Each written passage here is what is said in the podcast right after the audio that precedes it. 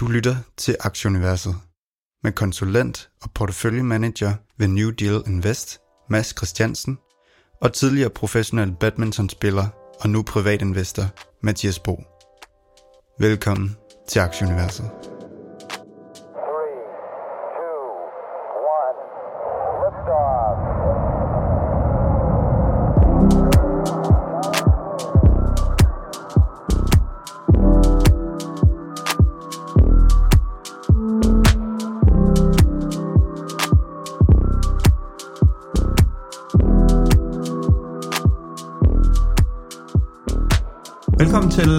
74. 20. udgave af podcasten Aktieuniverset. Vi optager i dag fredag den 25. februar. Øhm, I dag der står den så på noget regnskab igen. Vi øh, har hoppet ned i øh, Mercado Libre, Alibaba, Carvana, Teladoc, Block, Square øh, og Coinbase for, for at nævne nogle enkelte af dem. Øhm, vi får også øh, privatinvestor Benjamin Roland Bjerre med til en snak omkring det her cloud.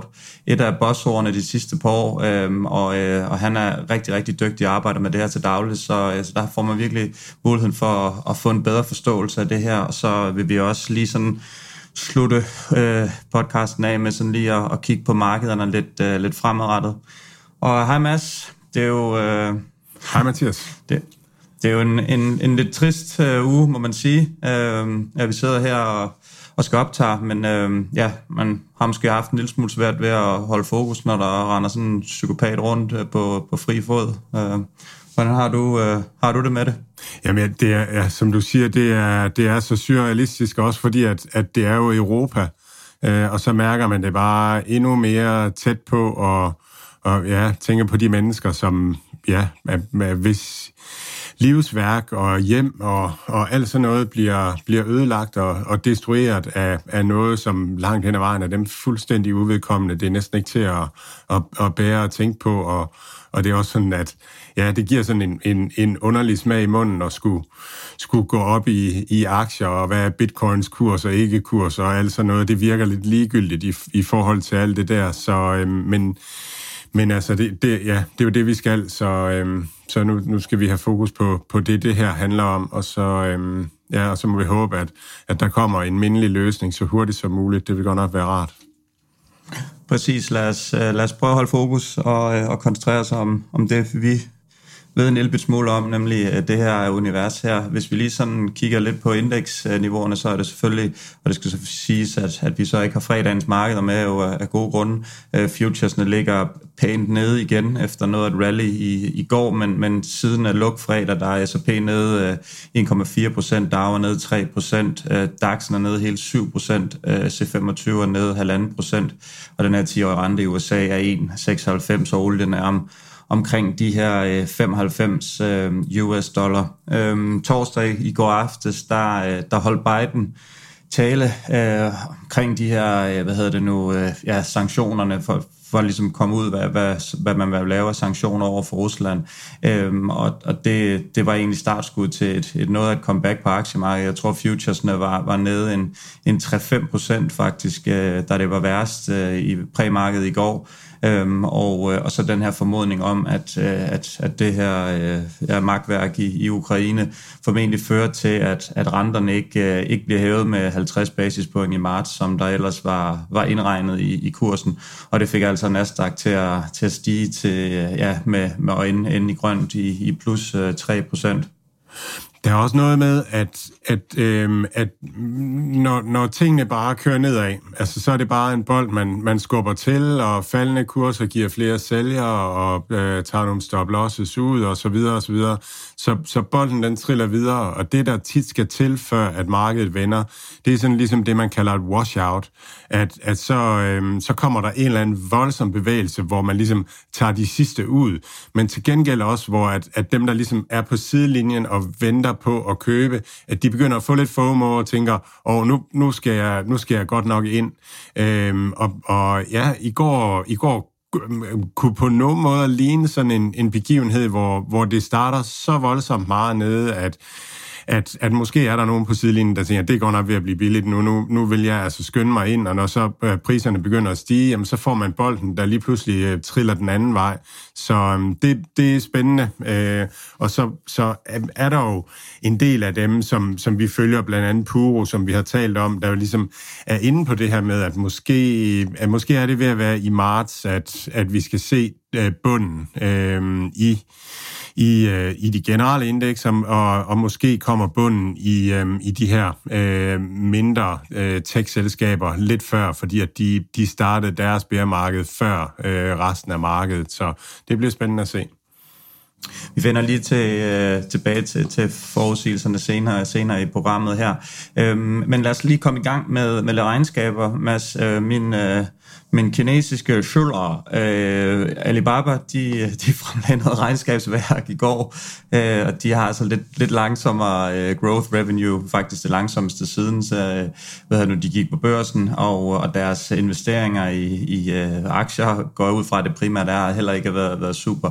Fik aktien til at sætte sig en lille smule. Jeg ved ikke, om det, det, det handler ned på regnskab, eller det handler ned på de generelle tendenser. Øh, en, en 106 eller sådan noget US dollar står den her ADR i.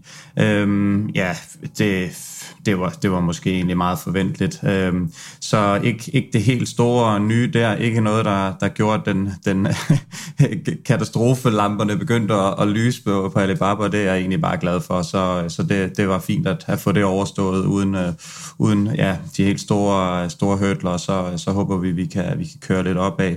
Øhm, Teladoc, de, øh, de præsenterede et, et ganske flot regnskab. Øh, vækst på øh, 45 procent i Q4, øh, fuld, øh, hvad hedder det nu, eller vækst i, i, for hele året var, var 86 procent, og de guider for en, øh, en growth på, øh, på 25-30 procent i 2022. Er bestemt øh, godkendt regnskab, den, den tog også en, en tur opad øh, på, øh, på de nyheder, eller også så tog den en tur op igen sammen med de generelle markeder. Det, det skal jeg lade være usagt, ja, men, men flot regnskab. det kan man ikke. Så, øh, så det var egentlig, det var egentlig fint nok. Øhm, så har jeg også lige kigget... Øh, nej, ved du hvad, lad os, lad os lige tage øh, Fubo TV, Mads. Øhm, den har du haft øh, kigget lidt på. Ja, Fubo TV øh, kom ud med regnskab. Det er den her øhm, øh, sports-tv-aggregator, hvor øh, ja, det er en sports-tv-kanal, og de Øh, jeg lyttede til deres earnings calls. De, de fortæller meget om det her med, at de er i gang med at, at skabe en, en mere interaktiv øh, sportskiggeri øh, oplevelse, øh, hvor man kan bette. De har fået øh, gang i, i sportsbetting, har fået to stater på og, og åbner nogle flere stater i, i løbet af året. Øh, de vækster 100% både i brugerantal og, øh, og i omsætning. Og de kører stadigvæk med dunderne underskud. Øh, altså, øh, dem, der, sådan, ligesom, dem, der er bæres over for øh, Fubo TV, de, de siger ironisk, at, at hver gang Fubo TV får en, øh, en ekstra bruger, så falder, eller så stiger underskuddet også i, i kroner. Øh, det er ikke sådan, det, ja, det, det, er, det er lidt rigtigt, øh, men, men det vi også ser, det er, at omkostningerne er faldet noget, så omkostningerne udgør nu 160 procent af af, af, af omsætningen, øh, og det er et fald fra, fra 200 procent, så det er en cash burn. Men, men det de skal, det er, at de skal have skala på deres øh, virksomhed. De køber sig til nogle rettigheder, nogle pakker og, øh, og sådan nogle ting, og jo flere brugere de har, jo bedre priser kan de få øh, på det. Øhm, der er en masse engangsomkostninger med at for eksempel at rulle øh, sportsbetting ud i, i stater og sådan nogle ting, og, og det, det, øh, det, det bliver, det, det, ja, de skal have skala på, og det, det eksekverer de øh, ret godt på.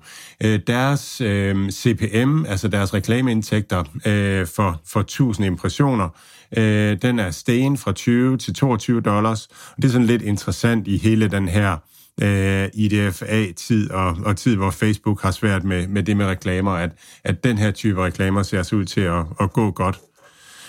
Jeg synes, det spændende her, det er simpelthen deres, øh, altså det er deres forretningsplan, det er, at de innoverer, de skaber en, en, en ny kategori, en ny måde at se sports-tv på og interagere med sports-tv. Det, det synes jeg er, er spændende og interessant, så jeg har en lille position selv. De har jo fået rekordmange abonnenter nu her, øh, men alligevel så, øh, så er det nede 18 procent Øhm, det var lidt en tese med, at du sagde, at hver gang de fik nogle nye, så faldt det. Altså, det er jo en aktie, som har taget ufattelig mange, øh, mange tæsk her også. Er du, er du, er du positiv? Jamen, det, det er jo det her med, at det er enormt early days. Det er en ny kategori, de er ved at lave. Men de skal jo købe sig til rettigheder og til indhold. Øhm, og, og, og det er klart, at, at det bliver væsentligt billigere, når man har når man har 50 millioner brugere, end når man har 1 million øh, brugere, altså billigere per bruger. Og, så, så det er bare en virksomhed, en opstartsvirksomhed i en, i en super tidlig fase. Den er på børsen i stedet for at være, være dreven af venturekapital, og måske ville de ønske, at de var blevet øh, væk fra børsen et par år endnu i virkeligheden, sådan som det har udviklet sig. Det er jo sådan, at at, at priserne generelt øh, på, øh, øh på, øh, i private equity-markedet er væsentligt højere end, end på børsen i øjeblikket. Så der er en discount på børsen af alle de her øh, unge virksomheder i forhold til, hvad der er derude i, i private equity. Og det har vi set også. Øh, vi har set Marley Spoon tage penge ind til en væsentligt højere kurs end, end aktiemarkedets kurs, og vi har set øh, Play Magnus Group også tage penge ind til en væsentligt højere kurs end, end aktiemarkedskurs. Og det er udtryk for det her mismatch i øjeblikket. Og det er sådan noget, der altid fluktuerer, hvad, hvor valuations er højest, om det er, øh, om det er noteret eller unoteret marked. Og i øjeblikket altså, er det helt klart det, det unoterede, hvor valuations er, er højst. Lad os lige få kigget lidt på Coinbase, Mads, for de var også ude i går. Øh, de slår øh, forventningerne på, øh, på omsætning og antal users. De er selvfølgelig meget påvirket af, af kryptopriserne, som er, som er bakket lidt tilbage i, i garagen pt. Øh, aktien den falder også på, på det her regnskab sammen med, sammen med resten af markedet, og så kan jeg kun gentage mig selv, hvor meget der har, hvor meget er markedet, og hvor meget er, af regnskabet. Det, det, det må kun guderne vide. Øh, men, øh, men ja, det, det ser egentlig sådan, det ser egentlig nogenlunde øh, fornuftigt ud hos, øh, hos Coinbase, som er den her øh, krypto trading platform. Øh, ja, det er vel egentlig nok den største i verden og, og blev børsnoteret her i USA for, ja, hvad det snart halvanden års tid siden eller sådan noget. Øh, en aktie, vi også lige har talt lidt om, vi lige skal kigge på, som fremlægger regnskab, Hems and Hers. Øh, hvordan, så, øh, hvordan så det ud? Du kan måske lige starte med at fortælle, hvad var det, de laver, Mads? Jamen, Hims Hers er, øhm, er en, øh, en virksomhed, vi havde Anders med øh, fra Sverige og fortælle om den øh, for, for en måneds tid siden eller sådan noget. Det er en sundhedsplatform, øh, en abonnementsservice, og den, den, det, det, den tilbyder, det er sådan en behandling af helt almindelige hverdagsproblemer, hudproblemer, øh, kønssygdomme, øh, ikke så hverdagsagtigt, men alligevel, altså, hvis, hvis man har det, så man ned, man gerne have behandling i en fart øh, i virkeligheden. Og det tror jeg, at, at det der er deres styrke, at, at de, de ting, som de tilbyder behandling af, det er noget, hvor man gerne vil have behandling i en fart. Og det, hvis man abonnerer på Hims and Hers øh, service, jamen så har man adgang til video øh, øh, relativt hurtigt, og så kan man få en recept øh, via øh, platformen. Så det er sådan en hurtig måde at komme til læge på, og, øh, og, og det, det, det tror jeg rigtig meget på. Jeg tror, der er et behov for, for, for især unge mennesker, men i virkeligheden alle mennesker, på hurtigt at få løst det hudproblem, man har. Hvis man har et eller andet grimt i panden, så man bare have det væk i en fart, og det, det giver mening. Men de vokser 100 procent, øh, både i omsætning og i øh, subscribers, og, øh, og, og, og bliver taget rigtig godt imod. Det er også en virksomhed, det er en enormt ung virksomhed, jeg tror, de er 4-5 år gamle, øh, og, øh, men, og de, noget, jeg synes er imponerende, det er, at de har 20.000 retail-lokalisationer, så når, når de laver en recept, så kan du hente det. Så er der 20.000 lokalisationer i USA, du kan hente. De samarbejder med Target og med Walgreens, og øh, de er i gang med at få et samarbejde op med Amazon også. Så øh, jeg synes, det virker som om, at de har gang i noget, som der er et marked for, som der er behov for. Det er også en ny kategori, øh, der kommer ud. Den steg rigtig godt øh, på regnskabsdagen, var op 25 procent og faldt så noget tilbage. Øh, så jeg synes, det er en super interessant virksomhed faktisk en virksomhed, som ikke er blevet ramt så hårdt i, i år kontra, øh, kontra de, de her andre aktier, som jeg snakker om. Jeg tror kun, der er nede 20 procent eller sådan noget for, for året, hvilket jo, hvilket jo er meget flot. Er det ikke det? Åh, oh, men så skal du lige zoome lidt ud. fordi at, at, at, at det var en SPAC, den gik på børsen til 10, øh, og så har den været oppe i 35, tror jeg, eller sådan et eller andet. Og, og nu er den altså nede i 5 igen, så der, der er fin rabat Ja, okay, der. jeg, jeg synes, jeg får her på grafen, at 1. januar 2021 var den i, i 19, og så, øh, så er den så i, i, i 5 nu her, og lidt mindre i dag, så øh, ja, ja, jo, jo, bevares, bevares. Jeg sagde også i år. Ja, lige præcis, det gjorde du nemlig. Så vi, vi, Mads, vi skal huske at være positive. Det er, vi, vi, vi vil godt sælge, jeg vil da gerne sælge nogle af mine aktier for kun at være 20% ned i år, ved at der, ved at der allerede har godt afsløre nu. ja. Godt. Hvad hedder det nu? Lad os kigge på, øh, på karavaneregnskabet. Hvordan så det ud? Ja, det, øhm, der har været simpelthen så mange regnskaber, så, så det er sådan bare lige, det er lige, bare lige et hurtigt øh, øh, look-over, som, som jeg har haft mulighed for. En Caravana kom med regnskab i går aftes, øh, og markedet sendte den øh, prom, prompte ned med 20 procent i eftermarkedet, da, da regnskabsmeddelelsen var ude. De, øh, de øh, sælger 57 procent flere øh, biler i forhold til øh, for et år siden, og deres omsætning er op med 105 procent, og det er jo udtryk for, for stigende bil, bilpriser i forhold til øh, sidste år. Deres øh, antal biler, de sælger, vokser ikke så meget over de sidste par kvartaler, og det, det gjorde mig sådan en, en lille smule bekymret.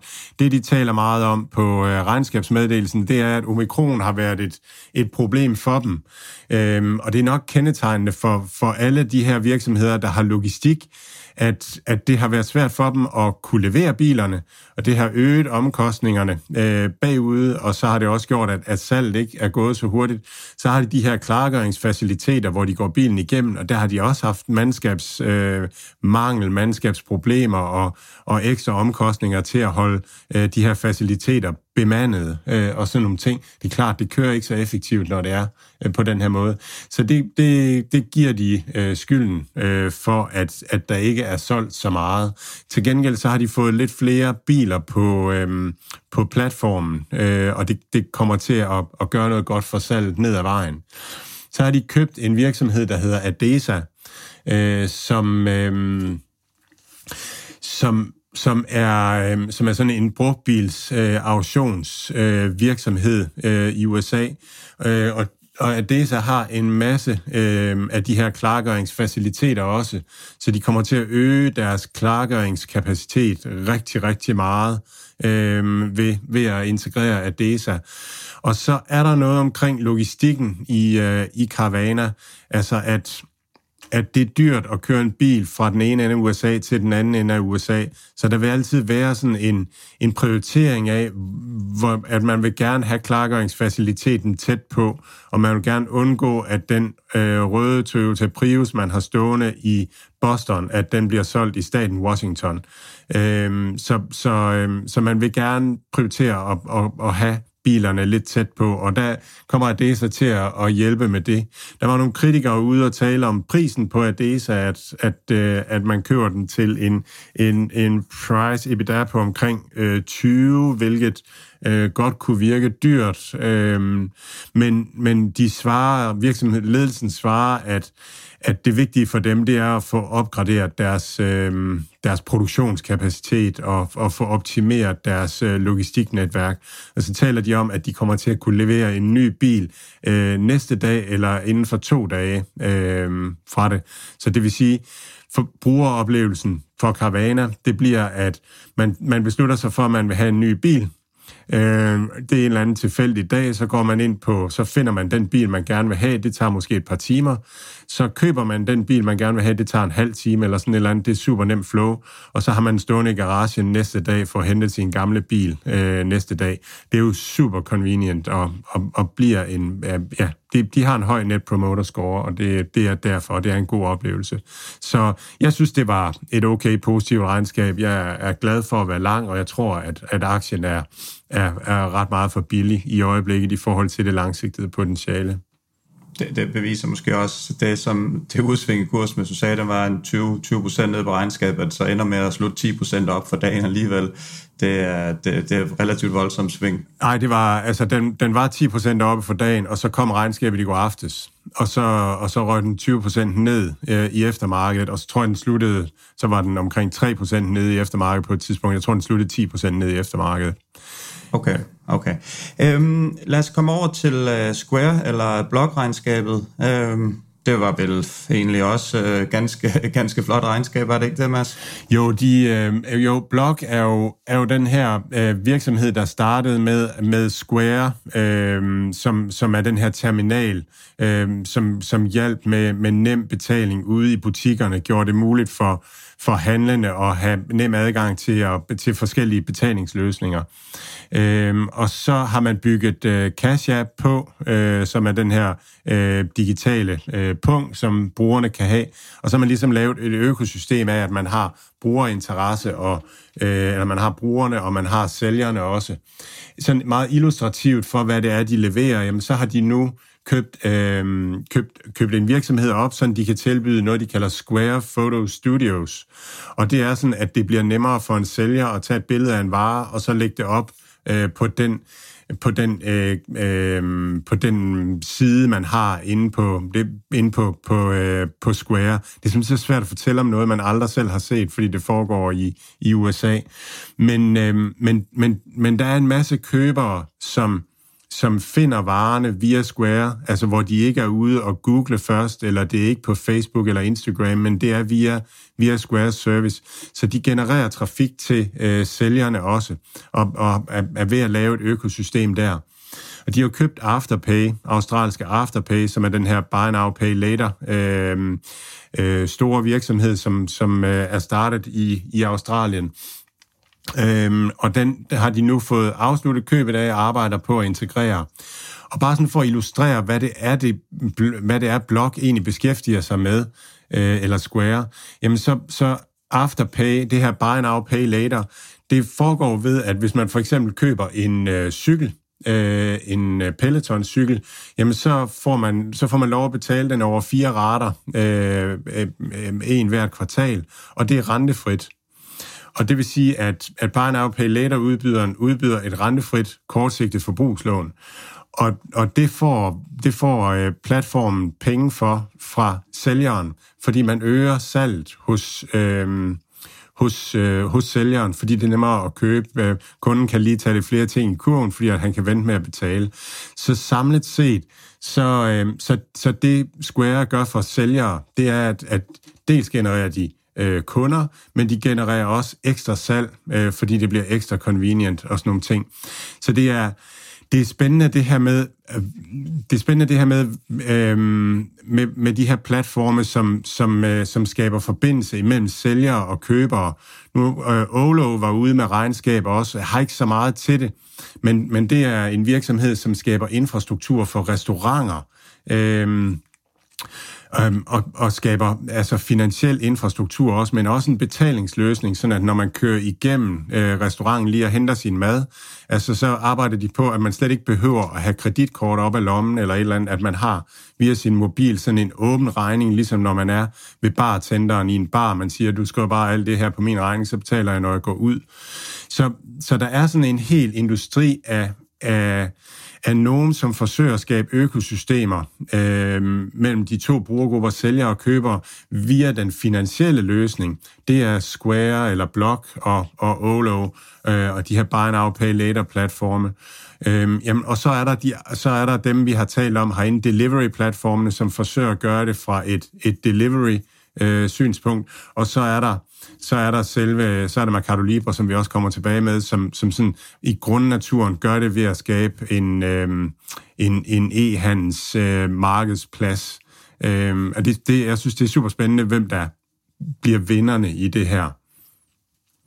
Der fik du øh, integreret et Olo-regnskab direkte lige i smasken på et, øh, på et yes. square block. Det, yes. det, her, det har jeg aldrig hørt før. Det, det, er, ny, det er nytænkning stærkt øh, arbejde med, med dem. Altså, hvad er det nu, blokregnskabet blev, øh, blev belønnet af investorerne og op, øh, jeg tror 15 procent øh, her efter, hvad hedder det nu, øh, pre i, i futuresne øh, oppe, var faktisk helt op omkring 20, tror jeg, øh, tidligere, så vi må se, hvordan, øh, hvordan det, det åbner, når det, når det for alvor går for sig her lidt senere i dag.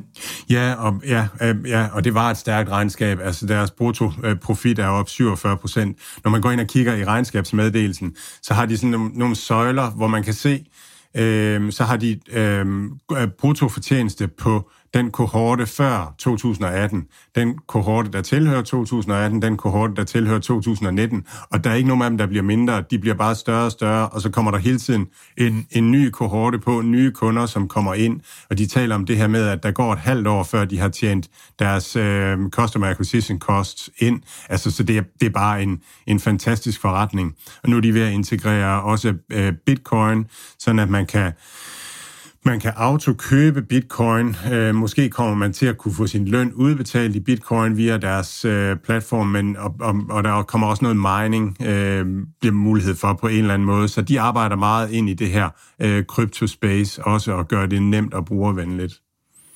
Spændende. Øh, I hvert fald en aktie, som også sidder øh, meget, meget varmt på min uh, kandidatbænk. En, jeg også godt kunne tænke mig eventuelt at, at kaste mig ud i. Det, det har da ikke gjort mig mindre interesseret i det her uh, lidt, lidt grå marked nu, uh, selvom den, den er stedet både i går og, og som jeg sagde, i, i futuresne i dag efter regnskabet. Uh, en, der til enkelt har været en anelse mere rædderlig, det er den her Open Door Technology, vores, øh, vores øh, hvad kan man sige, karavaner inden for, for boligsalg, hvor det hele bliver automatiseret og gjort online, erstatter den gode gamle hurtige ejendomsmaler med, med vandkæmmet hår i, øh, i siden.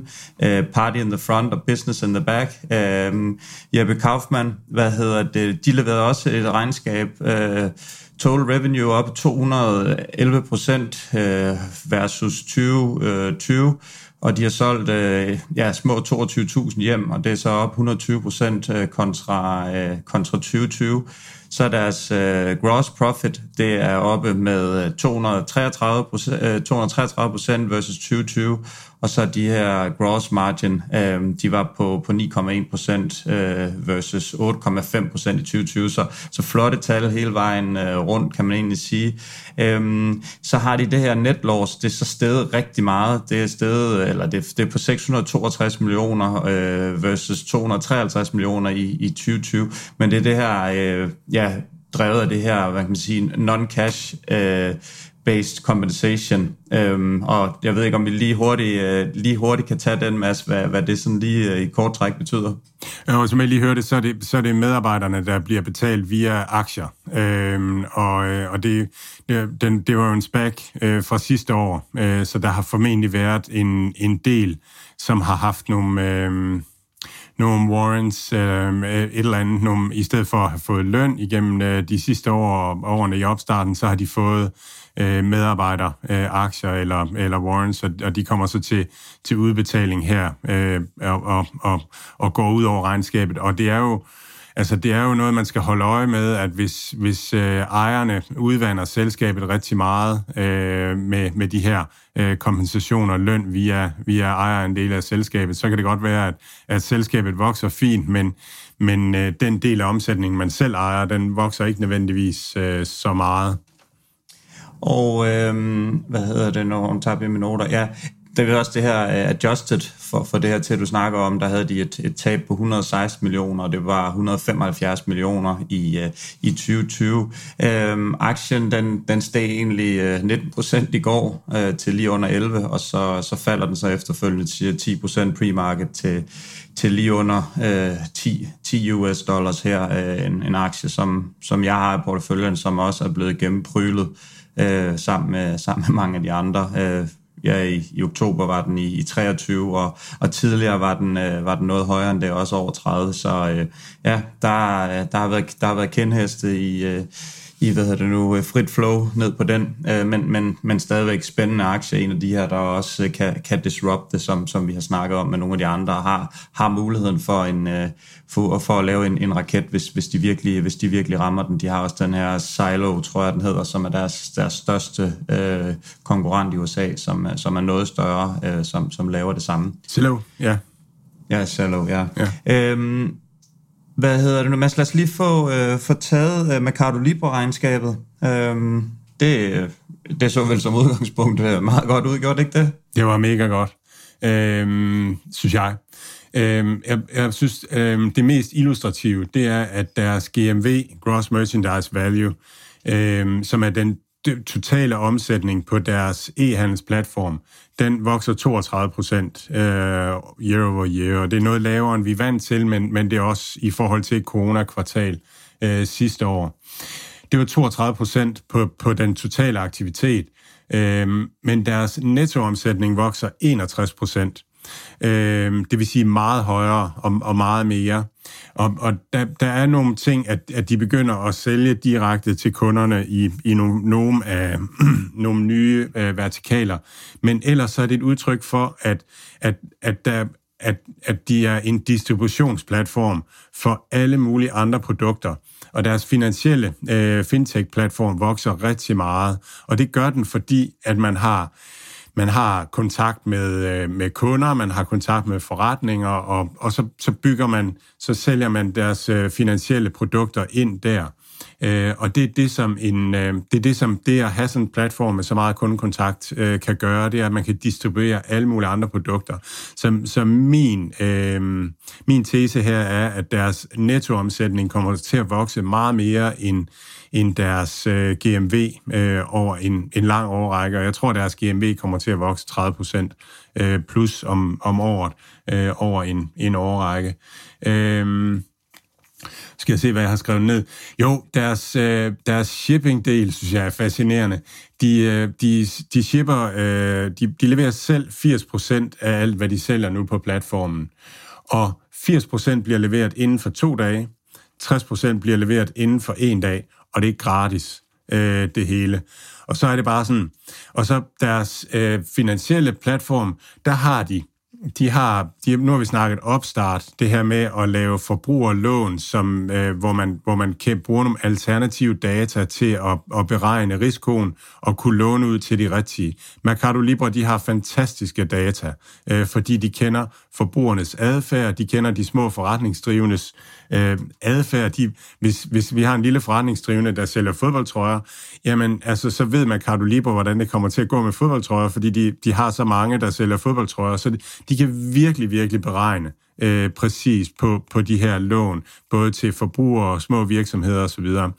De har en buy now, pay later funktion integreret i deres øh, finansielle platform. Det er det her, som øger salget hos øh, de sælgerne. Det vil sige, at sælgerne de kobler sig bare på, så er der fragt, og der er buy now, pay later.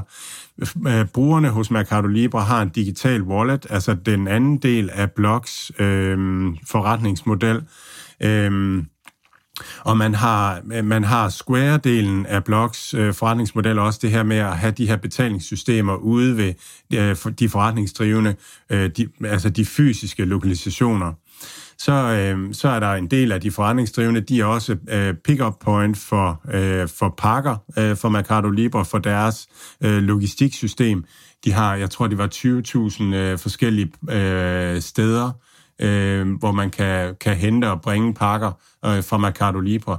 Så det er simpelthen sådan et, et økosystem af forskellige platforme, som bare krydssælger øh, til hinanden, og så skaber man en super god øh, brugeroplevelse. De, de, de siger selv, at, at de er price leaders, altså at, at de er dem, der er dyrest.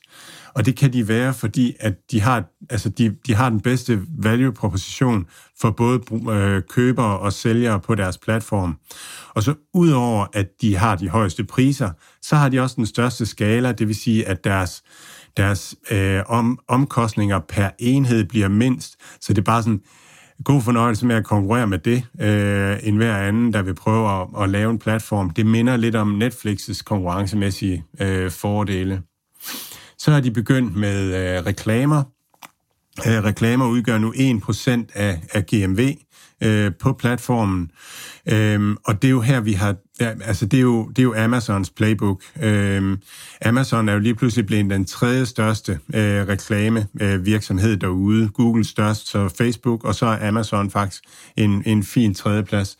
Øhm, så, så, så der er Mercado Libre også på vej og det er jo helt vildt høj, øh, helt vildt høj marginal på det. Øhm, der er ikke særlig store udgifter på, på det. Det er bare at lægge, øh, lægge, lægge, lægge eyeballs til. Øhm, så, har de, øhm, så er de også begyndt på krypto. Øhm, man kan jo nu også handle krypto på via Mercado Libre. Man kan øh, Bitcoin, Ethereum, og så har de en, en US dollar stablecoin, som, som man kan bruge. Det er de sikkert glade for i Argentina, vil jeg tro. Mm, øh, og så, ja, det sidste, altså så er man begyndt at, at forsøgsvis at, at, at, at monetarisere øh, udbringning i Mexico, og, og kommer tilbage med, at, at det går stille og roligt og fornuftigt. Og det er det her, som, som, som er på enden med sådan en platform, at, at at jo mere dominerende den bliver, jo større bliver EBITDA-marginalen, jo større bliver overskudsgraden, simpelthen fordi, at, at man leverer bare en mega god øh, value proposition for, for både køber og sælger, og det betyder også, at man kan monetarisere det mere og mere ned ad vejen, og det er de lige så stille i gang med. Så øh, jeg synes, det var, det var et, et fantastisk regnskab. Og, og det, som de gør her, det er jo også det, som Sea Limited øh, kommer til at gøre. Sea Limited er tidligere i deres rejse med deres finansielle platform, men, men det er tydeligt, at Sea Limited har virkelig øh, øjnene øh, fastrettet på, at de skal have den finansielle platform op at køre. Så alt godt der. Godt, ja, den steg jo også fint 12 procent øh, oppe på, på, øh, i, i, i går, i gårsdagens handel, så det er også en af de her, som som virkelig går, går forrest, når, øh, når markederne er positive. Så det bliver spændende at holde øje med, med Mercado Libre. Jeg, jeg går ud fra, at du stadigvæk er, er fuldt eksponeret i, i den masse. Ja, og så noget, de også siger, altså hver anden, hver anden svar, de siger på earnings call, så siger, at det er så tidligt i den her rejse, vi er på. Altså, det er jo ikke særlig meget af handel i, i Latinamerika, der er digitaliseret, og, og langt de fleste betalinger foregår via kontanter.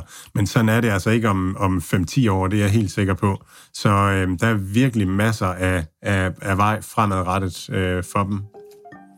Jeg tror egentlig, det var det omkring regnskaberne, Mads. Lad os, øh, lad os komme over og snakke noget cloud sammen med øh, Benjamin Roland Bjerre her.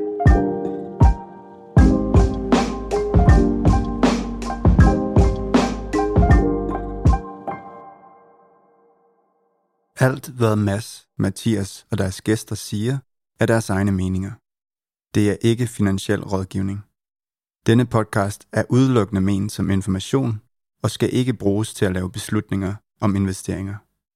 Mads, Mathias og kunder i New Deal Invest kan have positioner i de virksomheder, der tales om i podcasten. Benjamin, øh, velkommen til, og øh, tak fordi du gider at være med os her i dag. Det var så lidt. Det bliver sjovt. Vi skal jo øh, vi skal tale lidt om det her cloud. Øh, man kan sige, årets, årets ord inden for investering, øh, ja, snart de sidste 2-3-4 år, tror jeg. Øh, kan vi ikke lige starte med det helt fundamentale, og kan du ikke forklare os, hvad, hvad præcis cloud er? Jo, det kan, det kan jeg sagtens. Jamen, øh, cloud er, hvad kan man sige, er et øh, interessant eksempel på en teknologi, som har, øh, som har vundet kraftig indpas både i vores øh, privatsfære, men også i den sådan, professionelle verden. Øh, de fleste også benytter os jo af cloud-tjenester hver eneste dag, når vi øh, tjekker vores private mails, eller når vi streamer en film, eller hører noget musik, eller lægger familiebilleder op på diverse online løsninger det er jo ikke noget, vi, vi i givet fald tænker så meget på. Det er jo bare noget, vi gør, fordi det er, jeg kan sige, er, er nemt og, og bekvemmeligt. Øhm, sådan ganske kort, så er cloud computing, det er jo sådan øh, en måde at opbevare øh, og, og drive data services på. Øh, så helt konkret, så består clouden jo af sådan helt øh, enormt antal fysiske server, som befinder sig i, øh, i datacenter fordelt over hele kloden. Øh, og de server, de er, øh, de er opdelt i det, man kalder separate enheder, som er sådan virtuelle server, som man deler ud til, til kunder via services eller ressourcer øh, ja, via internettet. Øh, der er tre hovedområder inden for clouden. Øh, der er det, man kalder en, øh, en IaaS, eller en øh, AS, Infrastructure as a Service, og det er, hvor man har infrastruktur hostet i sky. Så det er, øh, det er den der pay-as-you-go øh, subscription-based model, hvor at en tredje part giver dig infrastrukturtjenester, øh, og det er blandt andet sådan noget som en cloud lagring og visualisering og mere. Og man kan sige eksempler på det, det kunne være øh, Amazon Web Services, eller øh, Microsoft Azure, eller Google Cloud, for at nævne de tre største. Så har vi det, der hedder en, en PaaS, som er Platform as a Service, og det er her, hvor man får stillet kan man sige, byggeklodser og redskaber til rådighed. Øhm, og det er sådan noget, så man kan bygge sin egen løsning. Det, det, altså, det her produkt appellerer rigtig meget til, til udviklere, øh, som skal bruge et, øh, et udviklingsmiljø til at bygge for eksempel en webapplikation. Typisk, når man er, er udvikler, så vil man gerne fokusere på det, øh, som man synes der er mest spændende, og det er at kode og bygge øh, sine, sine applikationer frem for de her bagliggende ting, øh, såsom opdateringer og hardware-vedligehold og sådan ting. Og derfor får man platformen leveret, så man ikke behøver at bruge kræfter på den del, og det er så derfor, at man har den her platform as a service. Så har vi det, der hedder SAS, som øh, er det begreb, vi ser brugt rigtig tit i, øh, på Fintuit. øh, jeg vil sige, SAS det indeholder alle lag. Det vil sige, at man får den her komplette, færdige løsning. Men man har typisk den her begrænset egenkontrol. Så det vil sige, at man køber med andre ord en færdig service. Øh, så det er den fulde cloud-oplevelse, hvor man indisposer sig selv.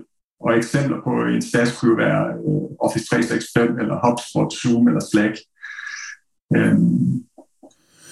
Benjamin, må jeg lige spørge, hvis nu, at, at vi tager en virksomhed, som jeg tror, nogen kender, jeg giver lige en lynkort introduktion til den, men Shopify. Uh, Shopify er sådan en virksomhed, som laver, uh, som gør det muligt, at gør det nemt at lave en, um, en, um, en, um, en webbutik. Uh, så, så er der rigtig meget infrastrukturen i Shopify, man køber sig til, så kan man købe sig til nogle forskellige løsninger, moduler og så videre. Kunne du prøve sådan lige at, at skitsere, altså Shopify er vel en SaaS-virksomhed, som, som jeg forstår det, men, men de bruger vel også nogle cloud-tjenester og bruger kunderne cloud-tjenester og sådan noget. Kunne du prøve at, med den som eksempel at, at tale os igennem, hvad, hvad de forskellige ting er? Ja, altså nu kender jeg faktisk ikke Shopify super godt. Øh, det er sådan lidt ude af mit, øh, af mit, øh, mit spektra, men, men altså, hvad, som jeg forstår Shopify, så er det en fuld SaaS-løsning. Det vil sige, at man køber produktet via, via, via dem, og så får man det, øh, øh, ja, og så, så får man egentlig en fuld løsning via dem. Øh, så det er jo et, et fast produkt, øh, da du får hele løsningen. Ja, og så, og, men, men Shopify må vel bruge formentlig Amazon Web Services eller sådan et eller andet til at, at kommunikere med, med brugerne eller til data, eller, eller sådan, hvordan, hvordan foregår det? Kommunikerer man med Shopify, eller kommunikerer man med Amazon Web Services, hvis man har en, en webbutik, som er, er, hvor man bruger Shopifys løsning? Jeg ved godt, du ikke ved det, men bare sådan lidt, Bare sådan for at... Ja, et, et, et kvalificeret gæt vil være, at man, man formentlig sidder og arbejder i uh, Shopify's produkt, men de har jo formentlig deres løsning hostet sted. Så det vil jo typisk måske være Amazon Web Services, hvor man har sin, sin løsning øh, man kan sige, opmagasineret. Benjamin, jeg kunne godt lige tænke mig, øh, i, ja, som jeg sagde til at starte med, der er også rigtig mange af de her virksomheder, vi har set, at, at for Amazon, nu tror jeg, det var 75 procent af, af indtjening, som kommer fra det her cloud service og sådan noget. Hvorfor er det, virksomhederne be, bevæger sig mod cloud? Jamen, det er der nogle, nogle, nogle helt, øh, helt overordnede årsager til. Øh, det er den her skalerbarhed og fleksibilitet, øh, som er, er en af hvad man siger, hovedårsagen til, at man gør det. Der er også noget mindre vedligehold og delvist outsourcing. Øh, og så en ting, man rigtig så her under, hvad kan man sige, under covid-19, det er også den her øh, nye arbejdskultur, der er kommet. Den her work from everywhere. Øh, øh, ja, altså at man bevæger sig mere ud i cloud for at få bedre samarbejdsmuligheder og tilgængelighed. Øh, og det muliggør clouden, at, at det er nemmere at, at, at, at give services øh, ud via clouden. Øhm, og det gør det nemmere at arbejde på tværs og dele data. Et eksempel for eksempel det produkt, vi sidder og bruger her, Zoomik, øh, deres, deres brugerantal det voksede jo helt vildt under, under covid-19. Ikke? Jeg tror, det var 2900 procent, øh, den voksede. Øh, så det fortæller noget om, at der er kommet en ny arbejdskultur, øh, som virkelig er kommet for at blive. Og noget af det, der er anderledes i den her nye, øh, altså i den her nye struktur, hvor alle de arbejder et eller andet sted fra, det er, at man kan ikke sådan lige bygge et fort rundt om sin virksomhed, og så sige, alt herinde, det er sikkert, og alt det udenfor, det, det skal vi passe på. Så der er et eller andet med, med det der, og med sikkerhed og sådan noget. Kan du fortælle lidt om det? Øh, ja, det kan jeg sagtens. Altså, øh, man kan sige, der er noget, nogle fordele ved at skifte ud i, i skyen, fordi at der kan man også øh, frigive noget ansvar. For eksempel sådan noget som, som patching, der kan man lægge ud til leverandøren og sørge for, at de sørger for, at, at øh, sikkerhedsopdateringer bliver, øh, bliver skubbet ud øh, og, og, og vedligeholdt. Altså, der er typisk den, den regel, at jo nyere patchniveau du kører, desto mindre, øh, desto mere øh, sikker er man. Og, ja, så øh, så det, det, det giver rigtig meget mening at løfte nogle af de her services ud i clouden. Øhm, også fordi der er en masse best practice, man ligesom man, man får ind i, i, hvad kan man sige, ind i sin snitflade, hvis man gør det. Øhm, fordi de har taget, taget højde for nogle af de her faldgrupper, der er ved, at, at man, man, man løfter det derud, som man måske ikke tager højde for i sit uh, on-premise infrastruktur. Så hvis man nu tager altså, Amazon Cloud, uh, web, mm. Amazon Web Services, jeg har indtryk af, at den blev bygget øh, fordi, øh, som en service til de handlende på Amazon. Kan, kan, hvordan, hvad, er, hvad er fordelen? Hvorfor vælger man, når man har en webbutik, at bruge Amazon Web Services i stedet for at, at styre det hjemme fra sin egen, øh, sin egen harddisk? Jeg er ikke så nødvendigvis sikker på, at, det, at de to ting, de sådan, de, der er en sammenhæng i det. Altså, jeg tror egentlig, det er et helt andet forretningsben, man, øh, man har valgt at gå med. Øh, man så nogle muligheder der fra, fra Amazon, og derfor øh, vandt man og pippet over mod det her. Øh, og det er jo nok noget, man er, man er, man er kommet til kvæg, at man har bygget sin platform, så man kunne se, at, at man har fået en stor markedsplads, og så har man skulle bygge den her motor, der skulle kunne drive den her markedsplads, og så man kunne se, at der, der er faktisk et forretningsområde her, som man kan, man kan komme ind på. Og derfor de vokser så store. Så hvad er value problem for, for kunderne? Altså hvorfor vælger man cloud-løsningen i stedet for for den anden løsning? Hvad er det, hvad er det Amazon Web Services kan tilbyde en, en, en lille virksomhed? Jamen det er jo, at øh, altså, hvis du forestiller, at du, du, du drev en virksomhed, og du skulle ud og, og, og hoste et eller andet, du skulle, du skulle købe et eller andet, du skulle levere en service, så i stedet for, at du skulle igennem en proces med, at du skulle have en, øh, en der kunne sætte den her øh, server op og, og konfigurere alt netværk, øh, alle de her ting, der er, man skal, man skal igennem, når man skal, man skal kunne levere det her. Det, det, det skærer du ud af, af ligningen, når du ligger ud i skyen.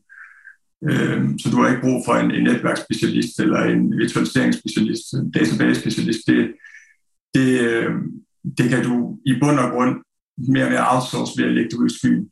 Øh, hvor, hvorfor er det, at, at, øh, at cloud er så øh, interessant som, som privatinvestor? Ja, altså øh, cloud adoption er jo, er jo lige begyndt, øh, og der er, som jeg ser det, fortsat et kæmpe vækstpotentiale, øh, når vi kigger ud i fremtiden. Øh, man estimerer et øh, en TAM, altså Total Addressable Market på cloud service, at det vil udgøre øh, ja, 1.620 milliarder i, i, i 2030. Og bare for at, at sætte scenen, så øh, Microsoft Intelligent Cloud, de lavede øh, 18,3 milliarder i omsætning sidste kvartal. Øhm, og Amazon Web Services, de lavede øh, 17,4. Så vi, og vi taler her om de to største cloud providers. Og det sætter tingene så lidt i perspektiv over, hvor meget der er forud for den her branche her. Øhm, så, så man kan sige, cloud adoption har virkelig taget fart. Øh, og, og, og det jeg sådan, sådan ser kvæg min, min, min, øh, det jeg laver i min privat regi, altså jeg er konsulent, det er, at, øh, at faktisk er der mange konsulenthus, der er svært ved at, øh, at følge med efterspørgselen, fordi at der er så stor øh, run på. Øh, der er sådan en bemandingsmæssig issue med, med, inden for teknologi, at, at der er mere efterspørgsel end der er workforce. Øh, og det gør jo faktisk også, at cloud, øh, øh at, at man er så tvunget til at rykke ud i clouden, fordi at man ikke engang selv kan få bemanding til at, at, at drive det internt også. Så cloud er bare en, en, en raket, der, der, der, der virkelig bare vil frem med.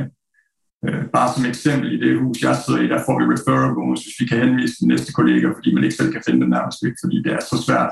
Der er en helt recruiter-branche inden for, inden for teknologiverdenen, som, som gør alt, hvad de kan for at finde nye medarbejdere, og det er super svært. Øh, hvis vi, sådan, hvis vi sådan skal være lidt mere sådan aktiespecifikke og, og, mm. og se på det som sådan en investeringscase, kan du ikke lige give os sådan et par fif? Hvad, hvordan er det, vi udvælger de her øh, gode cloud-virksomheder? Ja, altså øh, det jeg gør, når jeg kigger på en cloud-virksomhed, jeg kigger så meget på, hvilke produkter og services de, øh, de, de har i deres offerings. Altså er der, er der mulighed for mere salg? Får man nogle fordele, hvis man køber øh, eller bundler sine services hos dem samme sted? Øh, så kigger jeg også på noget, på noget som øh, R&D-spendings, altså villigheden til at, øh, at bruge penge på at, øh, at forny sig og innovere. Øh, det synes jeg også, der fortæller meget om, om, om, om ens virksomhed. Øh, et her innovationsaspekt i det. Ikke? Øhm, så er der også det der med, om man er kundedrevet, altså det er kundeengagement. Det synes jeg også, der fortæller rigtig meget. Altså, hvordan man er ud mod, mod kunderne. Øh, nu sidder jeg selv i et, et ret stort Microsoft-hus, og, øh, og for eksempel Microsoft, de har jo det, der hedder Microsoft Ignite, øh, hvor man, øh, det er sådan en, sådan en konference, hvor man inviterer virksomheder hen, og nogle af de dygtigste folk inden for branchen til at lave keynotes og fortælle om, om de udfordringer, andre virksomheder har. Øh, så man er meget, og så hører man selvfølgelig på, hvad, hvad, hvad det er for nogle udfordringer, øh, og Microsoft prøver at løse dem. Ikke? Så, så man er virkelig sådan en, en samarbejdspartner, øh, når vi snakker Microsoft her, ikke? Altså, hvor man virkelig prøver udad til at, at hjælpe kunderne. Øh, så er der også noget med nye features og funktioner, hvor tit releaser man noget, øh, hvad løser det? Øh. Kan, kan du nævne et par selskaber, som, som, som er dine favoritter inden for det her? Hvem, hvem synes du gør det, gør det bedst? PT? Øh, jamen, jeg synes, at nu nævnte jeg lige Microsoft, de, de er rigtig, rigtig, rigtig dygtige. Øh, de er virkelig sådan kundeorienterede virksomheder. Jeg synes, sådan en virksomhed som Cloudflare er, er super spændende. Øh, det er virkelig sådan en udviklerdrevet virksomhed. Øh, hvor man, man, man snakker meget med, øh, med, med, med miljøet, altså udvikler miljøet, og man har de her hackathons, hvor man sidder og, og, og nørder, og øh, altså der er virkelig det store community. Øh, de, de to synes jeg er, er rigtig spændende, men, øh, men det, der, der er selvfølgelig mange flere. Øh, ja. De der, hvilke konkurrencemæssige fordele øh, har cloud-virksomheder? Jeg sidder sådan og tænker her, altså det der med øh, de features, der er, og produkter og sådan nogle ting, det må, det må godt nok være, altså det er, jo, det er jo svært for, for os almindelige dødelige at vide, hvad, hvad er der egentlig så af konkurrenter, der har de samme features eller, eller produkter, eller sådan, hvordan, hvordan, øh, hvordan skal man, ja, ja, hvilke konkurrencemæssige fordele øh, er der? Øh, for eksempel Microsoft, hvad har de her konkurrencemæssige fordele? Ja, altså, øh, det er et godt spørgsmål. Altså, øh, man kan sige, teknologien er selvfølgelig altafgørende. Det er jo, øh, man kan sige, det, på mange måder, så er, så er det jo egentlig, teknologibranchen, det er jo, det altså, den teknologi, de sidder på, det er jo egentlig deres øh, anlægsinvestering, kan man sige. De, de kaster en masse penge efter, efter øh, datacenter og, øh, og nye funktioner, og øh, ja, altså, så, så man kan sige, det er jo, det er jo, det er jo den helt store øh, man kan sige, voldgrav for dem, det er, det er jo ikke noget, man bare lige kommer ind og, øh, og, og bygger på en dag. Øh. Så, så altså, så R&D-spend, må man sige, så må man stole på, at hvis virksomheden historisk set har fået noget godt ud af R&D-spend, så altså af forskning og udvikling, at så må man ligesom, øh, så må man stole på, at, at det fortsætter de også med det, det er jo, man har jo også lidt andre eksempler, ikke, hvor det, man har brugt mange penge, og så er det været en forkerte vej, man er gået. Øh, men, men, men det er jo også lidt, hvorfor nogle teknologier man selv tror på. Nu kan vi nævne Microsoft igen, ikke? Altså de, de, nu, nu er de ved at købe Activision Blizzard, ikke? Øh, og det er jo et helt andet ben for dem. Er det noget, man tror på, eller er det ikke noget, man tror på? Jeg synes jo, det virker meget spændende, i at man allerede har Xbox. Men, men øh, ja, jeg tror, de prøver at gøre sig uundværlige. Øh, på alle, måde, alle mulige måder, øh, og det gælder egentlig alle cloud-virksomheder. Så det er jo hele tiden det der med, at jeg ser det sådan lidt som, som, som innovationen, den er med til, altså hele den her udvikling, at man prøver at lægge nye services på, det er jo også med til at ud, øh, udvide øh, tanden for virksomheden. Jo flere offerings de har, desto større, øh, desto, altså, desto mere kan de, kan de, kan de blive ind. Hvad med Microsoft? De har jo helt vildt mange, mange klienter og meget, øh, altså meget brugerkontakt, dels via deres business to business, men også bare via deres browser, og skaffer en masse data. Giver det sådan en konkurrencemæssig fordel? Ja, det er helt sikkert. Data er jo en, er jo en, en, er jo øh, en vigtig parameter. Øh, det gælder jo både, øh, når vi snakker cloud og security og øh, gaming. Altså, det bruger de selvfølgelig meget målrettet til at kunne, kunne ja, udbygge og forbedre deres services, det er der ingen tvivl om. Øhm, så, så ja, det har så helt, helt, helt bestemt en, en, vigtig, en vigtig betydning.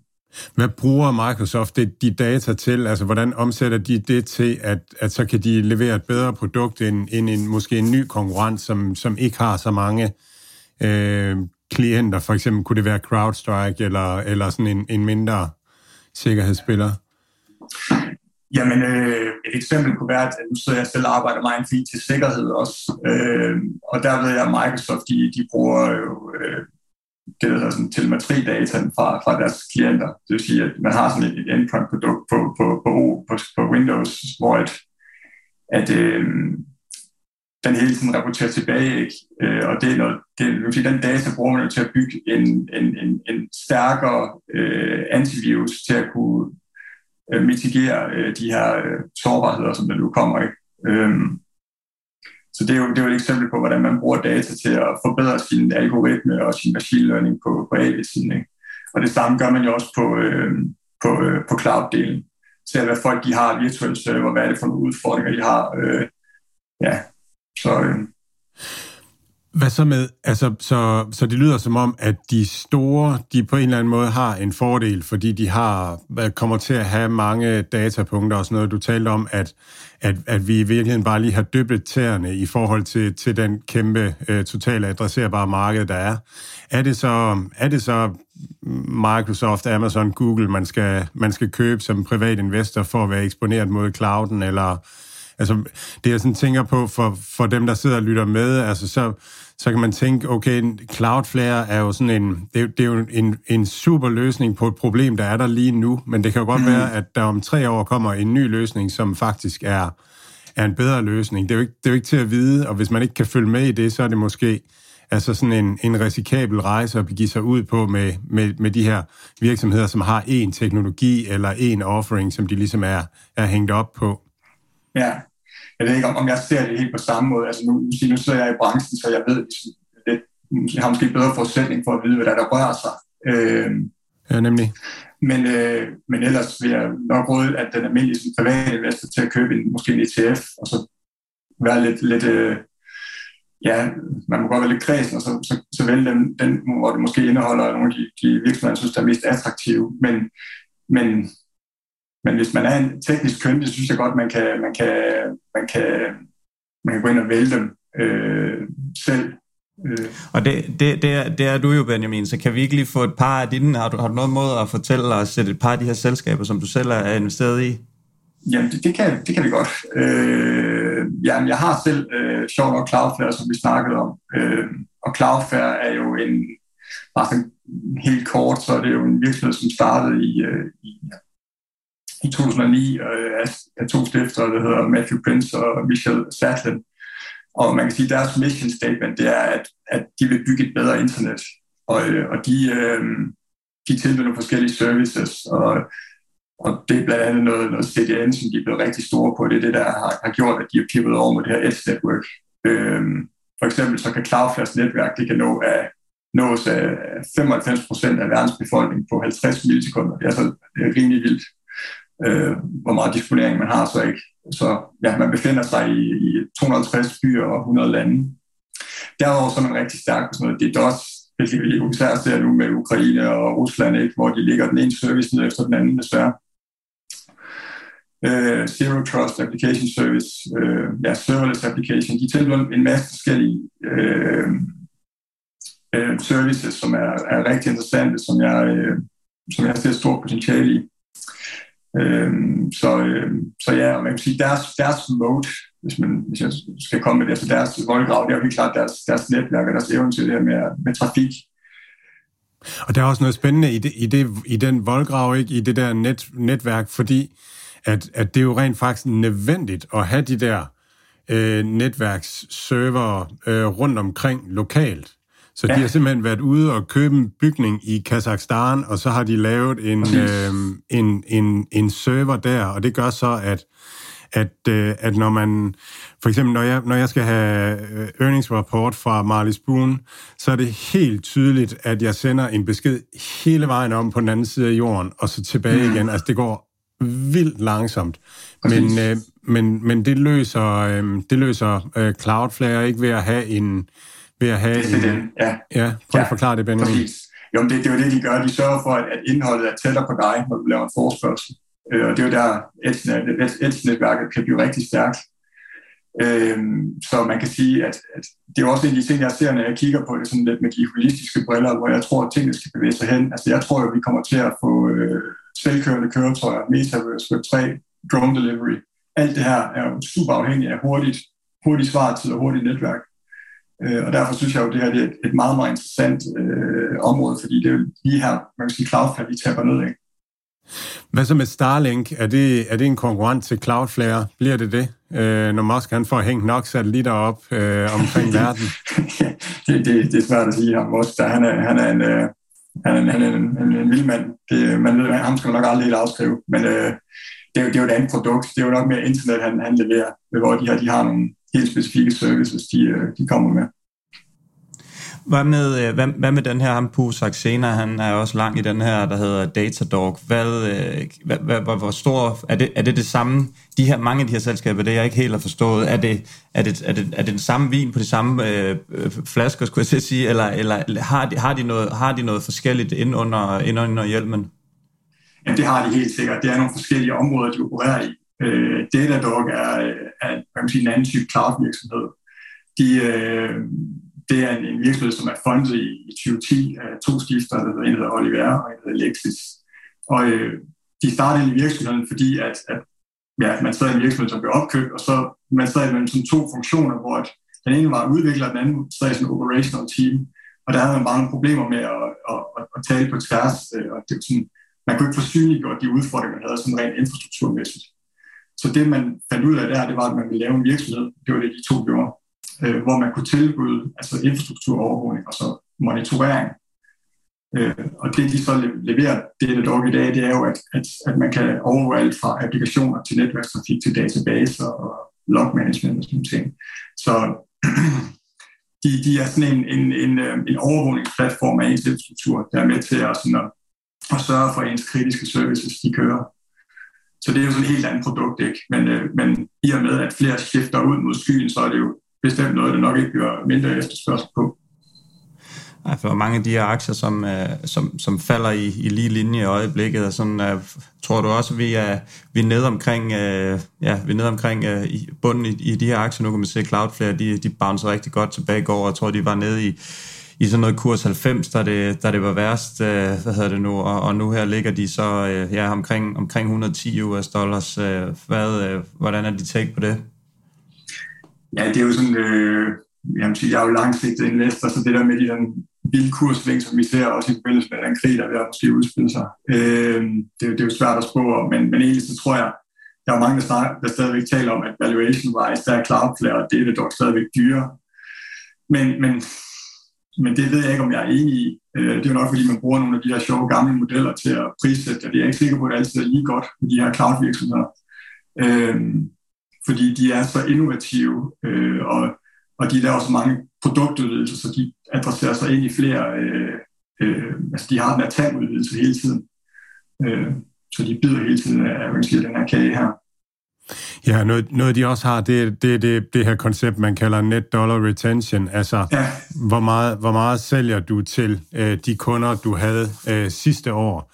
Øh, og der er en af de virksomheder, som imponerer der, det er jo Snowflake, altså som... Ja som, øh, som har, jeg tror, det er 130 procent deres net dollar retention er, det vil sige 30 procent af væksten kommer bare fra, fra de kunder, man havde sidste år, øh, og så derudover til de nye kunder, man får på. Men jeg kunne godt, jeg, jeg synes, når, når vi sådan lige har talt om, om, om det her, jeg godt tænke mig at lige at høre dig til Snowflake og den type virksomheder, fordi det vi sådan har meget har fokuseret på, det har været sådan infrastrukturen, altså frem og tilbage, og sikkerhed og, og netværk og sådan nogle ting. Men der er også en del af cloud, som er det her med, at der ligger, der ligger der er en eller anden sø et eller andet sted, øh, ude i øh, et eller andet sted, hvor at der er en masse øh, data, der ligger og sådan noget. Øh, hvor, hvor passer den type virksomheder ind i alt det her, og er det, er det bare sådan en tidlig start med Snowflake, eller altså, hvordan skal vi se det? Og, og er Snowflake en god investering? Ja, det er et godt spørgsmål. Jeg er ikke selv Snowflake. Øh, man kan sige, Snowflake, de, de laver de her data lakes. Det er sådan virkelig en, en, en, øh, en, en data øh, drevet virksomhed, kan man sige. De, øh, de, de leverer dataløsninger. Øh, og det, det der er jeg stærkest på nogle måder. Men, øh, men det er bestemt øh, en, en spændende virksomhed, og der, og der er jo flere, øh, der, skal, der skal bruge de her løsninger. Så, øh, men, men det er ikke en, jeg, jeg kan tale øh, meget dybt omkring. Det er det ikke, fordi det er ikke en, jeg, øh, det er ikke noget, jeg ved super meget om. Det, sådan er det jo med cloud. Det er jo meget specialiseret, så der er jo områder, hvor man er, er skarpere end andre. I hvert fald var det, var det mega interessant at, at høre uh, de take på, uh, på, de her, uh, ja, på de her virksomheder og, og give os en lidt mere uddybende forklaring af, hvad det er. Så uh, det skal du have mange tak, og uh, ja, rigtig god uh, weekend, Benjamin, og uh, Mega fedt, ja, endnu en gang Benjamin. fedt, at du, uh, du gad at være med os i dag. Ja, det var så lidt. Det var sjovt. Tak. Mads, lad os lige prøve at kigge lidt på, på markederne generelt. Vi var inde på det her i, i indledningen i, i podcasten. Øh, alt er jo relativt negativt. Vi har haft det her inflationsrentespøgelse, som stadigvæk øh, er derude, og, og som, som er nok, hvis vi skal være lidt hårde, det der, det, der betyder allermest. Øh, der har været mange dårlige regnskaber, der er blevet straffet. Der har været mange gode regnskaber, der ikke er blevet belønnet. Og det er jo på grund af de her generelle øh, svære markeder og svære forhold. Øh, hvis, hvis vi skal være en lille smule kyniske, øhm, så, øh, så den her krig i Ukraine nu her, øhm, på, på den længere sigt, har vel ikke den helt store sådan indsigt, eller hvad nu, øh, indflydelse på, på aktiemarkedet og, og virksomhedernes øh, evne til at tjene penge. Øhm, I hvert fald i, i USA, når man, når man ser det her. Og, og, og det, er jo, det er også derfor, fra mit synspunkt, så, så et salg nu her, øh, af de her aktier, som, som har taget så mange tæsk, er, er også relativt udelukket øh, for simpelthen ikke, ikke, ikke værd at, at, at satse øh, på, på, at vi skal, vi skal længere ned. Øh, når, når, det, når det hele brænder, og når det hele er værst, er det så ikke en god tommelfingerregel egentlig på aktiemarkedet at sige, jamen øh, så, så, er det der, man skal, så er det der, man skal ture købe, og, og så være langsigtet? Jo, det er det. Det er, det er jo det, man siger, og, og i altså når, når man kommer ud på den anden side til sommer, så ved vi, hvornår at det ikke kunne blive værre. Altså, hvornår at, at alt var priset ind, ikke? Altså, jeg må indrømme, for 14 dage siden, hvor, øh, jeg kan ikke huske, hvem det var, vi havde med, som talte om, nu er der priset syv rentestigninger ind øh, i, øh, i, i 2022. Så, så ved jeg ikke, så var jeg nok der, at, at nu kan det da ikke blive værre, men altså, så begynder Putin at være fuldstændig mm, dum i hovedet, altså, og så, øhm, og så, så kunne det alligevel øh, blive værre på en eller anden måde, ikke? Så ser man måske ind i stigende energipriser i Europa, og, og det kunne give det kunne give mere inflation og, og krigsfrygt, og hvad kommer det til at betyde? Men altså, som, som du siger, så krige betyder jo ikke noget for, for aktieudviklingen øh, på lang sigt. Øh, det kan godt være, det flytter noget på specifikke virksomheder, som er mere eller mindre eksponeret for, for et marked øh, end et andet. Så jo, så øh, jeg, jeg tænker, at det vil være fjollet at være, være sælger lige nu øh, af den her type virksomheder, som vi er i. Det er, det er, det, det er no-go, synes jeg. Ja, så er det jo det her med, hvis, hvis man har lidt penge på, på lommen, øh, så, så kan man måske begynde at, at, at tanke op med noget af det, man, man tror mest på. Der er vel, der er vel en, en god chance for, at som du siger, til sommer eller, eller senere, eller måske endda formentlig også før, at, at vi har, øh, vi har bundet ud, og så, så ligesom er på vej ud af, øh, eller opad igen. Så, så det, det, det er måske ikke helt dumt at, at, at begynde at lægge til i, i de her niveauer. Og, og jeg ved også, at, at du har et take her på, på ham her, Pue Saxena, som, som er rigtig skarp. Du var lige øh, ja, øh, i indledningen inde på, hvor, hvordan han ser på tingene også, at han, han godt kunne se en bund i, øh, i det hele omkring det her med, med rentestigninger og krigen og sådan nogle ting, som, som forhåbentlig snart er over. Øh, i, i, I marts måned øh, begyndte han at, at og tror på, at, at vi bunder ud. Hvordan ser du på det? Ja, men og det han, det han siger, det er, at nedture har sådan, dels så varer de en vis mængde tid. Øhm, så så der, det, det tager den tid, det nu tager at, at lave en korrektion.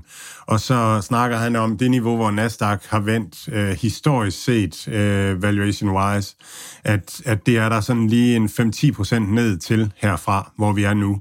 Øh, og det har sådan været, været, ligesom været hans hans bud i hele træskolængder, at det kunne da godt være, at, at det var der, øh, vi skulle vende. Hans bud har så også, også været, at, at de her aktier, som, som, øh, som jeg kigger meget ind i, at, at de måske skulle vende lidt før, eller at der var en, en mulighed for det, fordi de er handlet meget ned. Jeg, jeg sad sådan og, og prøvede med et regneark lige at, at, at rode igennem, hvad, hvor, hvor meget er de her aktier egentlig nede øh, fra toppen. Og, og det, det er sådan over en bred kamp, de, de aktier, som jeg har i min øh, portefølje og, og kigger ind i, de er sådan nede med, med 71 procent øh, fra deres all-time high generelt. Og, så, øh, og, og det er et år siden eller mere, eller det er sådan omkring et år siden. Og de fleste af dem vokser 30 procent eller mere. Så hvis man så siger, okay, de er, de er 71 procent nede, men hvis man så regner Øh, den, den vækst, der har været i toplinjen med også, øh, og så siger, hvad er, hvad er valuation så nede med øh, i forhold til tidligere, jamen så er vi nede med 78 procent øh, valuation-wise. Øh, så det vil sige, at i forhold til den prissætning, de havde, da de ramte all-time high, så er der 78 procents rabat på dem nu. Så øh, altså, ja, så det, jeg tror sådan på lang sigt, så er, det ikke, så er det ikke nu, man skal sælge. Så er det nok mere nu, at man skal overveje, om, om, om man skal købe. Hvis, øhm, hvad var det, han hed? Andreas Steno var inde på det her med, at, at hvis der nu kun kommer tre renteforhøjelser, for eksempel, og der er priset syv ind, så bliver det altså ret godt for den her type virksomheder ned ad vejen. Lad os lige prøve at, at kigge lidt på kryptoen, Mads, for det, det, det har vi sådan forsømt lidt øh, de, de sidste par afsnit. Det er jo også noget, der er, er blevet, blevet ramt rigtig hårdt her på, øh, på det seneste, øh, siden, øh, siden starten af, eller slutningen af, af sidste år. Øhm, den her historie, som, som, vi har, som vi også selv har været med til at fortælle her i programmet, og når vi har haft gæster på besøg, at, at det er det her, øh, ja, BTC eller Bitcoin er, er det her digitale guld. Det er lidt, øh, ja, hvad hedder det nu, øh, safe haven rent sådan inflationsmæssigt, og, og det her sådan noget det er, vel, det er vel lidt på tid, vi godt kan være ærlige og, og, og smide det, i hvert fald sådan investeringsmæssigt, i, i graven. Det, det tror jeg, der vi skal være... Vi, det, det er i hvert fald nok ikke den historie, man skal gå med. Øh, den her historie med, at, øh, at det er et high risk asset, øh, som, som primært øh, private investorer, inklusive os selv, øh, gerne vil allokere en, en lille procentdel af deres portefølje øh, over i. Det, det er nok mere sådan, man skal se det. Og, øh, og, og se det lidt som en, som en, en growth tech-aktie på, på speed øh, på en eller anden måde, som... Øh, som stiger og, og, og falder i et, i et relativt øh, ja, voldsomt tempo også, når, når det virkelig går for sig. Øhm, der er ikke sådan for mit vedkommende noget, der sådan har ændret sig i, at, at, at de her gamle øh, begreber eller termer, man har brugt omkring det, og hvad det er, og sådan nogle ting, for mig har det altid været et, et, et risk-reward bet af, og, og en lille smule af min, min portefølje, jeg vil hen imod. Øh, hvad, øh, har du, øh, er, er der noget, der er kommet bag på dig i det her, eller øh, ja, har, det, har det egentlig også sådan været lidt så forventeligt?